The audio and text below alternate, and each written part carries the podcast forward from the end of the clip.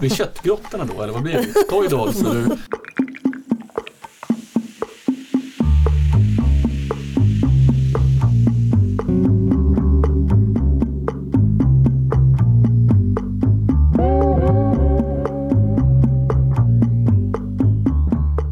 Välkomna till avsnitt 17 av Kommentariatet, Sveriges enda politiska podd i samtalsformat, som görs i samarbete mellan Arbetet Kultur, Arbetet Ledare och Nya Mitten.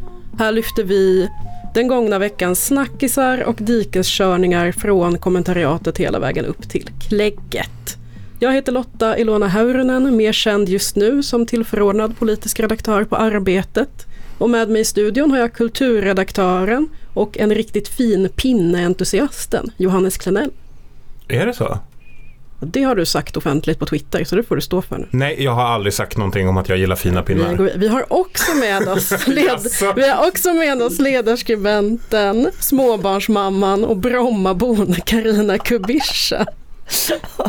Jag kan varken bekräfta eller dementera jag heller. Men framför allt har vi en alldeles speciell gäst med oss idag. Mannen, myten, legenden, punkaren, tidigare inrikesministern, idag migrationspolitisk talesperson för Socialdemokraterna, Anders Ygeman. Välkommen! Tack så mycket! Jag har en gång kallat dig för trallpunksministern. Blir köttgrottorna då eller vad blir det? Toy Dolls eller? Karta 77. Ja men jag, jag är, eh, en björn och en tiger är en, en favorit.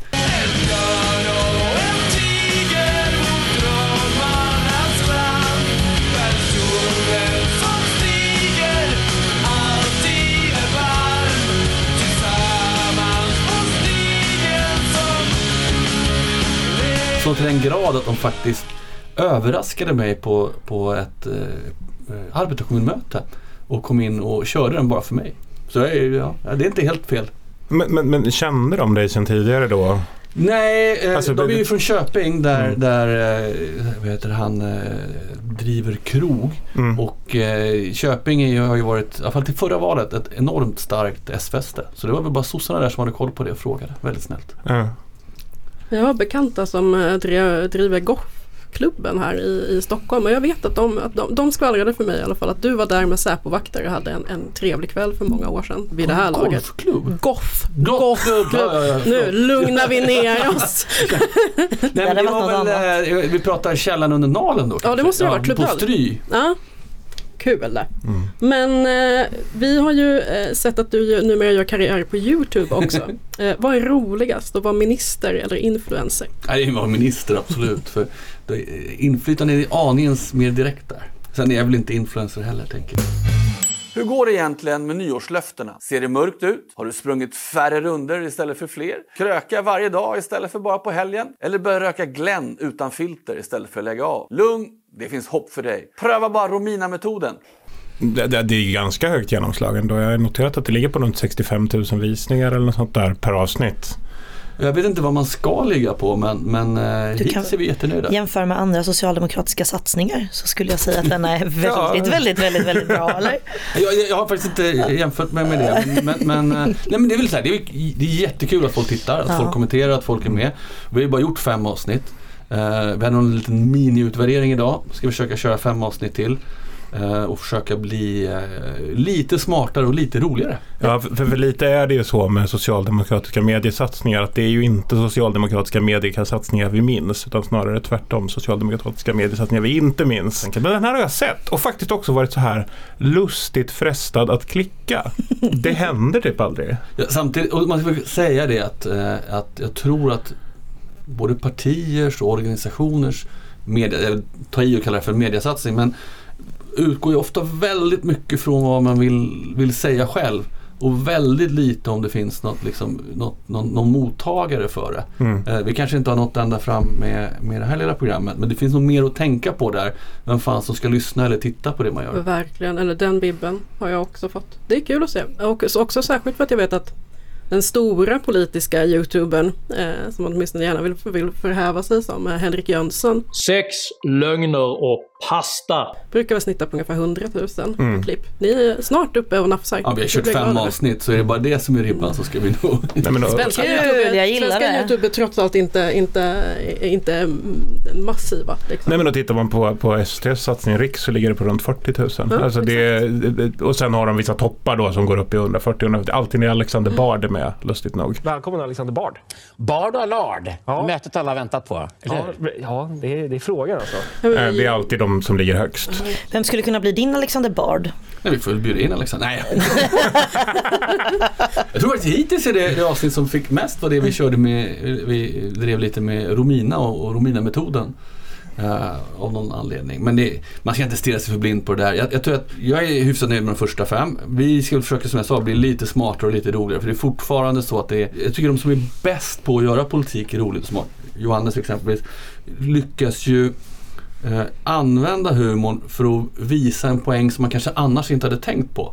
Och, och där, här är, än så länge är det fortfarande så att vi lite för ofta bara hänger på något lite roligt eller försöker vara lite roliga på slutet. Vi, det finns en, en, ett, ett snäpp till att nå, tycker jag. Just. Jag är förtjust i kakfatet. Jag tycker om props. Det har vi för lite av. Men eh, PR-byråer hade vi tänkt att ta upp som vårt första ämne. Eh, I helgen skrev ju Erik Rosén på Aftonbladet Kultur en outande text om PR-byrån 500 där två grundare och en medarbetare blivit kulturskribenter på tre stora eh, kultursidor. Svenska Dagbladet, Expressen respektive GP Kultur. Eh, byrån 500 har AI-företag som kunder och som av en händelse har alla 500 skribenter skrivit om AI. AI är ett monster som kommer ta våra jobb. Kvinnor kan bli AI-boomens förlorare. Viktigast av allt är att AI gillar mig. Förtroendeekonomin är här, så gör du för att inte bli en medelmåtta. Eh, och vi känner väl eh, kanske igen sån här gråzonsproblematik och dubbla stolar från, från politiken. Politiska chefredaktörer som snabbt blir statssekreterare tills de fiskar ål. Eh, inte minst politiker som kanske ännu snabbare går från toppuppdrag till byråer eller lobbyorganisationer. Men jag undrar eh, i ren allmänhet, vad är er relation till PR-byråer och PR-branschen? Jag får väl komma ut som en, en van och flitig och glad minglare. Jag går på fest. De bjuder på bärs. Ibland till och med ett litet fat med cigg innan en balkong eller sådär. Ett fat med Ja, cigg. kan det finnas. Alltså jag har aldrig jobbat inom näringslivet men eh, aldrig har man ju varit så lockad. Det krävdes inte mycket. Ett par, Nej, nej. par öl och Jag en, en, är, jag är en enkel tjej. Eh, Det har väl den här senaste dagarnas eh, debatt jag varit ett tecken på hur billigt folk är beredda att sälja sig Jag själva. menar det. Men eh, Anders? Fast man säljer sig väl inte om man går från en PR-byrå till en kultursida eller? Det är väl bara den andra Nej, problemet är att de som gör samma sak. De är- jobbar på, på PR-byrån och skriver, skriver om AI. De har bara skaffat sig liksom ett litet extra jobb. Ja, precis. ja, det är ju bara ett enkelt litet brödjobb på 86 000 i månaden. För den stackars kulturarbetaren som annars bara hankar sig, han- hankar sig fram. Eh, nej, nej, men alltså det, det, jag tycker ju att det här är ett problem. Så, jag, jag backar ju Erik Rosén i det där. Det, jag, jag har noterat att, att vissa tycker att det här inte är så intressant. Tesen som Erik Rosén driver är att det inte kan vara en slump att tre personer skriver om AI på kultursidorna år 2023. Och det har han ju det rätt måste i. vara en konspiration. Ja, det är ett helt eh, ute område. Ingen pratar om AI förutom de här tre. Men vad Erik inte nämnde i sin text, för han tog bara upp de här tre kulturredaktörerna och ville ha liksom en konflikt där konflikten skulle stå mellan honom och tre kulturchefer är ju att Kasper Törnblom som är en av dem som då nämns som kulturskribent i Svenskan samma vecka som Love Bonnier, grundare utav den här kommunikationsbyrån skriver i Expressen, skriver han också en text i Resumé Med den ökade informationsmängden och produktionskapaciteten som AI genererar kommer vi bli allt mer beroende av kulturella, sociala, kulinariska och ekonomiska vägledare i övergången från informationsåldern till kunskapsåldern, skriver 500. SvD Kasper Törnblom. Kasper är alltså VD på samma byrå. Han var, eller är han fortfarande det? Jag tror att han fortfarande är VD. Ja, okej. Eh, och, och problematiken som uppstår där är ju att Kaspar faktiskt uttryckligen skriver om hur ska vi bedriva PR i det nya AI-landskapet. Så att någonstans blir det ju rätt påtagligt att de försöker, oavsett om det är så här, för folk är så här, ja men Love Bonnier beskriver ju AI-tillvaron som en mardrömsscenario. Men sen när man läser de här texterna som Love Bonnier, Kasper Törnblom och Laura Ingemarsson har skrivit om AI så låter det i alla fall för mig inte som en beställning från en kund som jobbar med AI. Loves AI-text har rubriken AI är ett monster som kommer ta våra jobb. Och där blir man lite så här, men tror ni att det är AI som är kunden här? Att det liksom är en AI som har knackat på 500s dörr och sagt, det är någon sorts cybernetics-företag, typ Terminator-skapare som liksom så här, det här är första steget innan kärnvapenkriget. Att de hör av sig till 500 Stockholm och vill att de ska göra reklam för hur bra det är med AI.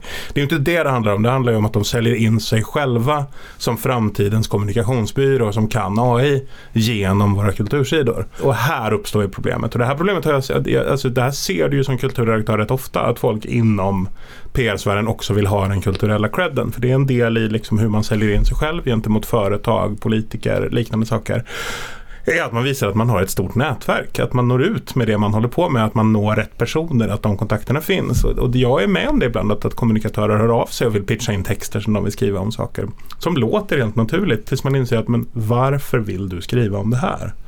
Varför just nu? Ja just det, du känner den här kommunikationsbyrån som driver PR för det här. Liksom. Och då blir det ju en kontamination. Alltså det, det finns ett jäv där. Och, det är så här, och då är folk så här, ja men kultursidorna betalar så dåligt och det här ska väl inte spela någon roll. Och så här. Ja, fast å andra sidan, det är ju fortfarande någon sorts journalistik. Det måste fortfarande finnas någon sorts trovärdighet. Erik fick ju en del, en del svar på tal eh, från, eh, från kulturredaktörer och eh, PR-anställda och så vidare. Mm. Eh, och jag, kan, jag fascinerades lite av hur snabbt det gick att få liksom, kulturarbetare att låta som, eh, som moderater som sitter i utbildningsnämnden samtidigt som de jobbar för Academedia. Mm. Eh, och sen, nej men det här är väl ingenting och det är jättebra med bred representation över hela, eh, över hela. Men är det här en fråga om, om, om aningslöshet? Eller vad har du för tankar Ans, eh, Anders? För jag tänker att som sagt, alltså det här är ju någonting som vi har tröskat i, i politik eller i politiska sammanhang väldigt väldigt länge men plötsligt så har det sipprat in till kultursidor eh, och blir ett samtal. Det är väl rimligt att man använder kultursidor som alla andra fenomen för att synas om man är en, en, en PR-byrå eller en mediebyrå. Men det verkar ju dumt att föra talan själv liksom. För hela grundidén är väl att man ska försöka få, få kunden eller någon annan att föra talan för en. Eh, och sen är det väl alltid ett problem om man, man uppträder för en annan flagg än vad man faktiskt har. Alltså om det finns någonting som man inte berättar. För det undergräver ju trovärdigheten både för kanalen som man finns i och för, för den egna kommunikationen. Mm. Men när jag var pressis på Vänsterpartiet för fem år sedan. Hur länge? Fyra månader. och, och anledningen till att det blev fyra månader var, var ju faktiskt för att Åsa Linderborg sa till mig du kan omöjligt skriva för en kultursida och vara pressekreterare på ett politiskt parti samtidigt. Och jag valde att skriva. Alltså det var viktigt för mig. Det var det jag ville göra av mitt liv. Jag ville inte förlora den kontakten. Jag hade precis släppt min första bok och jag hade börjat liksom nå ut på kultursidorna och få bygga min plats. Eh, då dök det här jobbet upp som kulturredaktör på Arbetet ungefär samtidigt. Så jag hade ju lite tur där. Men det var verkligen så att jag kände att nej, men jag står inför ett val här. Och, och jag är ju väldigt glad idag att jag valde att inte bli kommunikatör. Men, men jag tycker fortfarande att det är intressant för att just den här kommunikationsbyrån är också så här var de än ska diskuteras nu, de dyker upp, alltså Erik Rosén och Viktor Malm debatterar då det här i P1 Morgon. Då måste P1 Morgon berätta att en av medarbetarna på 500 är också medarbetare på ett SR-program som heter Tankesmedjan. Du, innan vi kommer in på din kritik vill jag bara för transparensens skull också tillägga att en av den nämnda PR-byråns medarbetare jobbar med satirprogrammet Tankesmedjan på P3 här på Sveriges Radio också. Eh, när P3-klubben ska diskutera den här frågan och avfärda den som trams och tycker att Erik bedriver en, en konspirationsteori, då måste Moa Wallin säga Jag, vet inte, jag har även jobbat på 500 i ett par månader 2018. uppenbart pågår det ju någonting här oavsett om man tycker att det är en konspiration eller ej. Och jag har varit där och rökt cigg Eh, för transparensens skull på deras kontor. Jag vill bara säga det här. Jag vet att det inte är public service men Nej, men, och jag tror faktiskt att jag är typ den enda kulturchefen i Sverige som inte har varit i närheten av de här människorna varför överhuvudtaget. inte? För att jag inte känner någon, för att jag aldrig går på fest, för att jag är en enstöring och, och en sorglig individ. Nej men det, det, det är väl också därför jag inte har en större karriär än så här antar jag. Det rullar ju på. Någon måste vara på, på, på motstånd. Nej men hade jag blivit bjuden, alltså det är inte omöjligt, alltså, jag tror de där jävla Almedalsminglen, ni har ju varit på det. Ja, ja liksom. absolut. Det, absolut. det hade inte varit omöjligt att jag hade trillat in på det, det är mest på att jag inte gillar att mingla.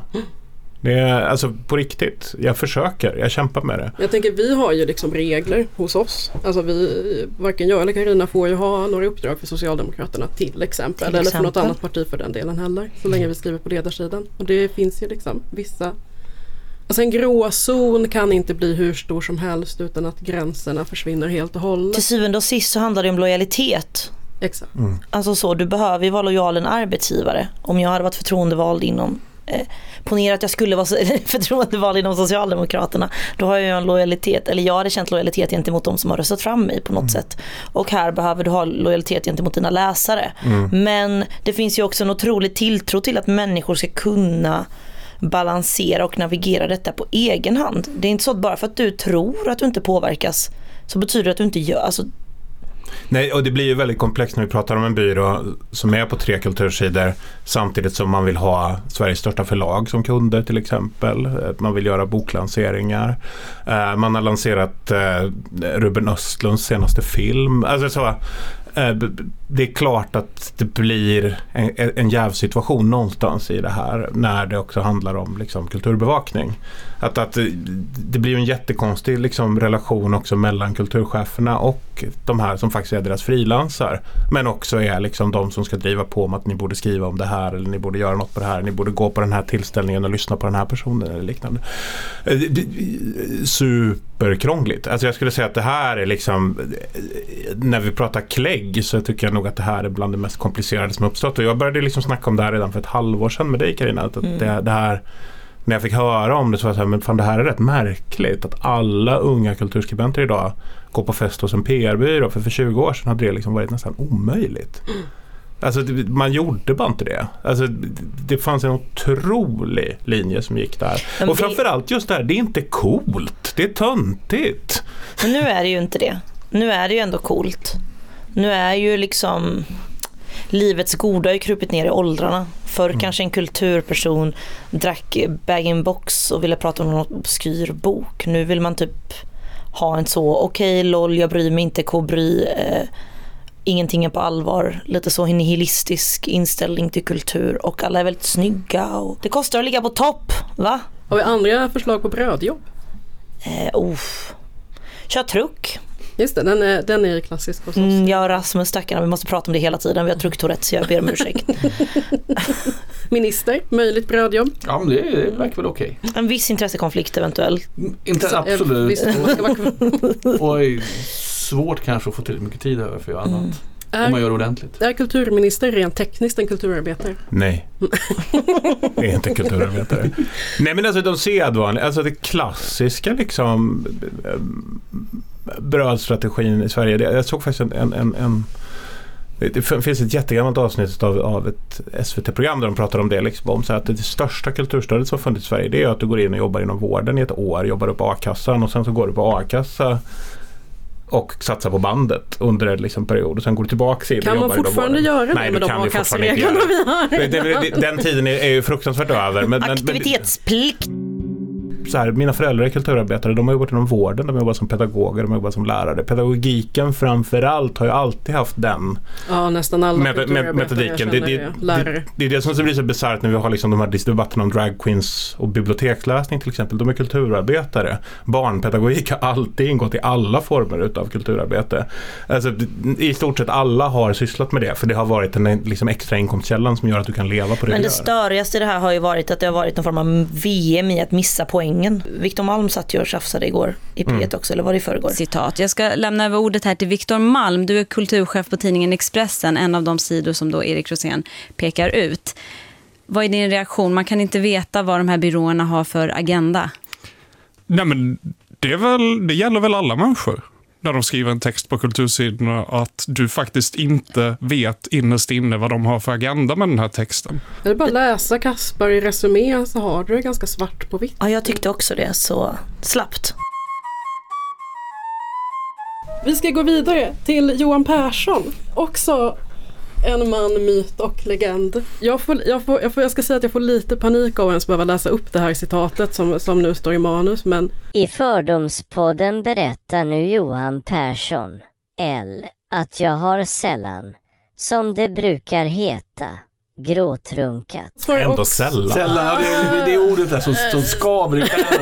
Herregud. Han svarar också på frågan om han ägnar sig åt fyllonani och hur hans ansikte förvrids när... Alltså jag orkar inte när han får orgasm. Jag har inga speglar i sovrummet. Framförallt inga i taket. Säger han och lägger till.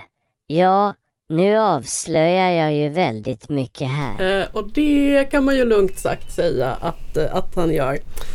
Saknar Johan Persson integritet? Vad är det som pågår? Eh, Ja.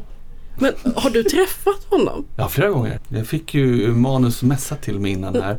Så jag funderade lite på den här frågan, vem är Johan Persson? Ja. Och mitt svar är nog att han är liksom Bojo från Wish. Han är liksom Boris Johnson från, från Wish. Han är en svensk liksom, lågbudgettappning av Boris Johnson. Han har frisyren lite på vift, han uttalar sig lite konstigt. Eh, han är lite grabben och jag tror att han kommer gå... Alltså, han, Bojo kunde ju bara bli vald för att partiet var i kris i Storbritannien. Johan Persson kunde bara bli vald för att partiet var i kris i Sverige. Och det kommer, han kommer gå ungefär som ödet till mötes. Han kommer vara ett tag, sen har det här liksom wear out och så kommer de att byta partiledare. Ja, alltså jag, bara, jag, jag, jag, jag försöker liksom projicera Bojo på, på Johan Persson. Men de, det, det enda som skiljer dem åt är väl kroppen liksom, i slutändan. Kanske lite bildning också, om man ändå ska säga till Johnsons fördel. Får inte känslan av att Johan Persson sitter och citerar Ovidius på latin. Alltså det, det är inte riktigt... Nej men å andra sidan har han nog inte varit på någon grisfest på Eton heller om man ska tala till Johan Perssons fördel då. Och det är den Grisfesten på svenska Vivalla. och brittiska Exakt. traditionen här som skiljer sig lite. Grisfesten i Örebro är lite som Eton, ska jag säga. Det Men- är, Örebro och Eton, det, du måste vara från din del av landet för att koppla ihop de här två institutionerna. Så. Men eh, är det verkligen mindre personlighet som eh, Johan Persson behöver? Nej, jag tycker inte det.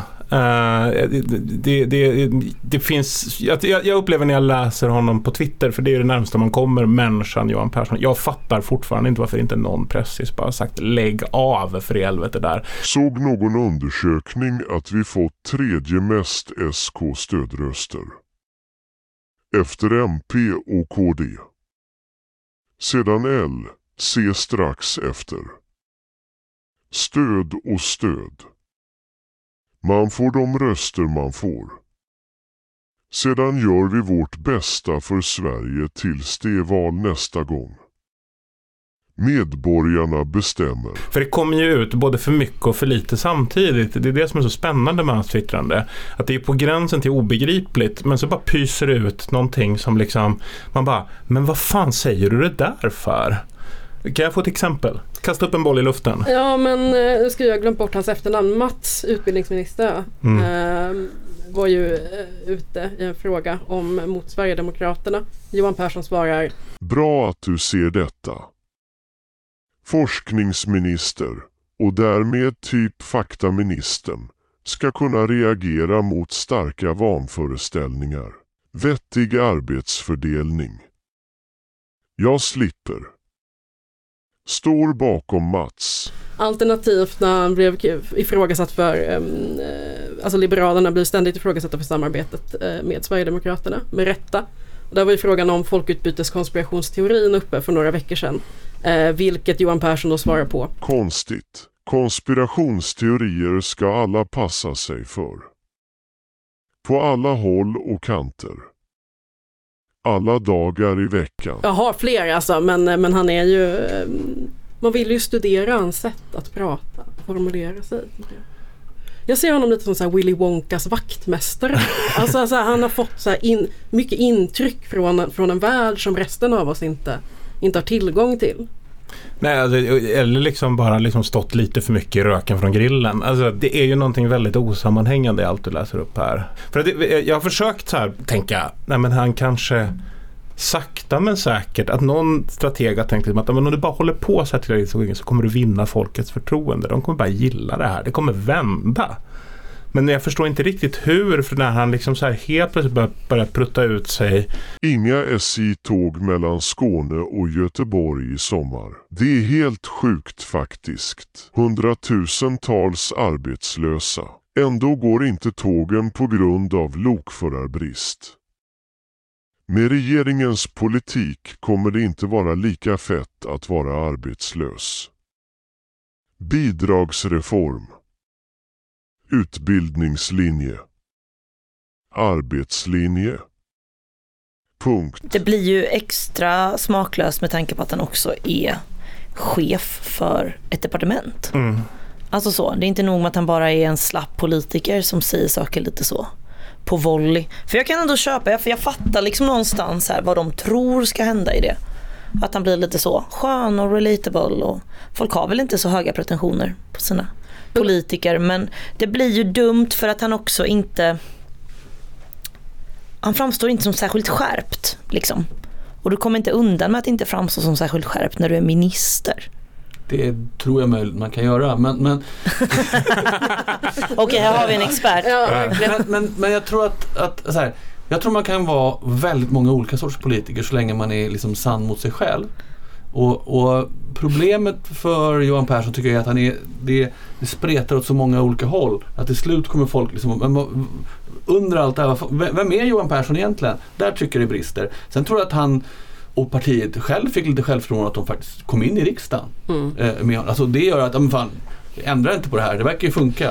Så jag tror att han kommer fortsätta. Det finns en gammal, eller gammal och gammal, men eh, teori slash spekulation som gick när Liberalerna bröt sig ur eh, samarbetet med, med S, MP, Centerpartiet och gick över om att eh, det var liksom en analys som Liberalerna hade gjort att det här, är, det här är vårt enda sätt att rädda vårt parti. Vi kommer att gå under om vi stannar kvar med S. Därför måste vi gå över till Moderaterna och även då köpa Sverigedemokraterna. För att gör vi inte det då kommer Moderaterna se till att vi blir krossade. Alltså att det fanns liksom en idé av att eh, jag vet inte om det här är en konspirationsteori. Liksom. Men, men jag minns att jag hörde, jag tror till och med att jag liksom läste i Svenska Dagbladet eller någonting sånt. Alltså just de här interna spelen i det här vägvalet. Eh, Låter rimligt.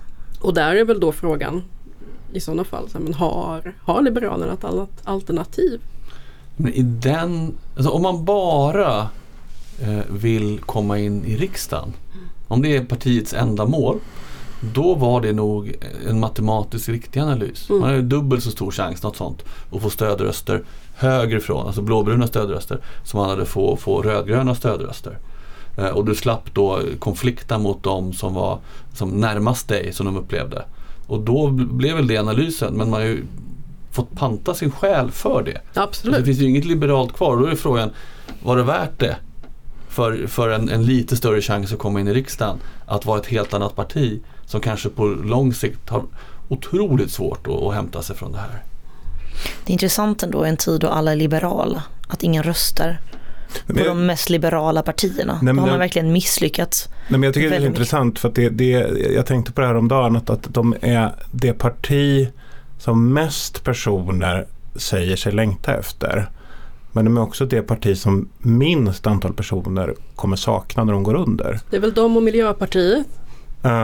eh, eller? Som har liksom lite samma roll. I, Ja, fast jag har ändå, liksom, jag har ändå något hopp för Miljöpartiet i att det Du, Ja, du. ändå finns det är väl ett, någon riktning i det. Sitter i grön tröja. Ja. Myser Skägget. Vadå, kallar de mig för miljöpartist nu 70-talet. också? Nu, vi, nu, nu, nu börjar det gå lite för långt. Men det konstiga när du får ett parti som ingen förstår längre, alltså är ju att du får också en partiledare som beter sig som en full Nalle Puh på sociala medier. Alltså för att vad fan ska han säga? Avslöjandena på SD kommer ju, om SD kommer ju på löpande band. De har liksom en, en, en miljöminister som liksom står och säger emot sig själv. Alltså ingenting kommer ju nu ur någon sorts genuin hållning från Liberalerna i det de säger. Utan det, hela deras jobb är ju bara egentligen att urskulda att de har valt att släppa fram SD på det sättet de har gjort. Och de får igenom mindre politik än en socialdemokratisk regering. Ja, det, Alltså det blir ju mindre liberal politik med den här regeringen tror jag. Vilket också kommer bita dem i stjärten för då har de liksom inte ens det med sig. Alltså jag vet inte, de har också tappat skolfrågan. Den hade de väl ändå. De hade väl ändå lärarna mycket. Gamla folkpartistiska liksom hästväljare som tyckte att de var toppen. Men en sån här snubbe kommer du inte få lärarnas respekt heller. När man går till val säger man en sak innan valet. Sen genomförs valet, så säger man en sak också efter valet. Särskilt inte när du har Maria Fredholm som kommer direkt från liksom, det är väldigt en speciellt. bolagsstyrelse rätt in till skolministerposten. Alltså det, det, det, vi kan väl ändå enas om att det är ett parti med problem, eller? Ja, ja, det visar väl opinionsundersökningarna. De ligger väl där någonstans på tre rycket. Mm. Jag tycker att det är intressant att skillnaden, eller för mig så är skillnaden eh, det finns naturligtvis många skillnader mellan förra regeringen och den här regeringen och bla bla bla. Men, eh, men den här regeringen framstår liksom allt mer, mindre som politiker för mig och mer som karaktärer i offentligheten. Alltså apropå Disney, att jag började Mm. tänka på liksom den här regeringskonstellationen som liksom eh, som karaktär i Lejonkungen. Att så här, du har stora chefen Skar eh, som alla är lite, är lite rädda för. Eh, som liksom är eh, stora bossen. Och sen kommer du liksom ner till hans här, eh, wingman eller honchos, head honcho hyenan. Du menar en flänge är då Johan Persson? Ja. Men, men, men för det där är intressant för att det där är ju mitt intryck av att, att Folkpartiet eller Liberalerna alltid har haft den funktionen lite. För att Jan Björklund var ju också partiledarslugger. Alltså jag kommer ihåg när jag jobbade på V att vi faktiskt pratade om det. Vem kan man gå på i en debatt? Vem kan man liksom gå in och verkligen så här smälla till verbalt liksom utan att folk upplever det som speciellt problematiskt. Och då visste vi det liksom att så här, men Jan Björklund, där kan man gå in och liksom labba till ordentligt i debatten och ingen kommer riktigt att bry sig för att han är liksom bara en sorts underhållande karaktär. Finns det någon politiker du identifierar som någon som du kan verkligen ge en, alltså en verbal mm, bildlig smäll? Men jag försöker nog vara rätt tuff mot dem alla. Jag tycker nog att man nu, är, man liksom statsråd i regeringen då ska man Mm. nog klara en, en tuff debatt. Sen tycker jag man ska göra det med, med respekt. För Mm. det är ändå så att vi har, det vi har olika åsikter men vi kan ju vara, eh, tycka om varandra som, och ha respekt för varandra som, som människor ändå. Men att kunna debattera tufft i sak, det tycker jag vi ska klara av. Och ibland med glimten i ögat också. Gärna glimt, mer glimtar i ögat i politiken. jag. Och mindre falukorvar. För någon måtta får det vara. Jag tror att just Ebbas falukorv kommer nog vara way gone. Ja, du, den är fortsatt, den lite billigare i Den är veckan. för dyr nu. Ja, ja, matpriskollen med Karina, det får bli en annan grej. Hur mår Johan Persson då? Alltså jag eh, själv höll ju någon form av Oscarsgala efter valet. Eh, där jag utnämnde honom till valets portvinstå. Minns du detta? Mm. Eh, företagshälsovård kanske eller något sånt där. Jag var orolig, han frustar väldigt mycket och stånkar och stönar och det låter liksom sådär. Men det var de rent fysiska liksom åkommorna som vi kommenterade då men nu undrar man ju liksom, han, han resonerar ju lite lustigt. Det var ju det här, när man går till val säger man en sak innan valet. Sen genomförs valet och så säger man en sak också efter valet. Så han verkar liksom inte riktigt Alltså, i och med, men jag har faktiskt en helt motsatt, liksom, men, men, och det här är verkligen så här, men det tror jag alla, alla som lyssnar fattar att det här är liksom eh, mycket ytliga läsningar av, av människor med rika inre liv och så vidare egentligen. Men jag tänker att han typ lever sitt bästa liv. Han, liksom, Han bakar pizza, han spelar rock. Exakt. Sitter i samma båt och är inte de som ror som ror så att skrattar lackar och kittlar och kittlar, kittlar mycket hellre deras feta nackar. Alltså, jag, tycker verkligen att han ser ut att skina just nu. Och han är ju så jävla glad. Det är, han behöver ju liksom inte arbeta längre. Han kan ju bara gå runt och praoa. Man undrar ju om det är liksom piken innan sammanbrottet. Men det är piken. Men det, finns, det, alltså jag, ska, man- jag ska inte tala illa om Johan Persson. Men det, det finns någonting lite, lite maniskt i, i det hela. Som gör att man kan vara lite orolig. Mm. Men, men eh, jag hoppas att han har, har, har kul på jobbet. Det är fint att någon kliver in på arbetsmarknadsdepartementet, lyssnar på in alla tjänstemän, tittar på liksom luntan papper och tänker ah, Här ska jag inte vara. Var det roligt att vara här Anders? Absolut. Kul, alltid lite nervös när man kastar in någon i den här tombolan. ja, nej, men med det så ska vi tacka så himla mycket för den här gången. Vi är tillbaka om två veckor igen. Eh, tyvärr inte med Anders Ygeman då, så vitt vi, vi, vi vet i sittande läge. Men tack så hemskt mycket för att du kom hit. Tack så mycket. Tack för oss. Tack så mycket. Tack, tack. Ha det gott. Hej hej!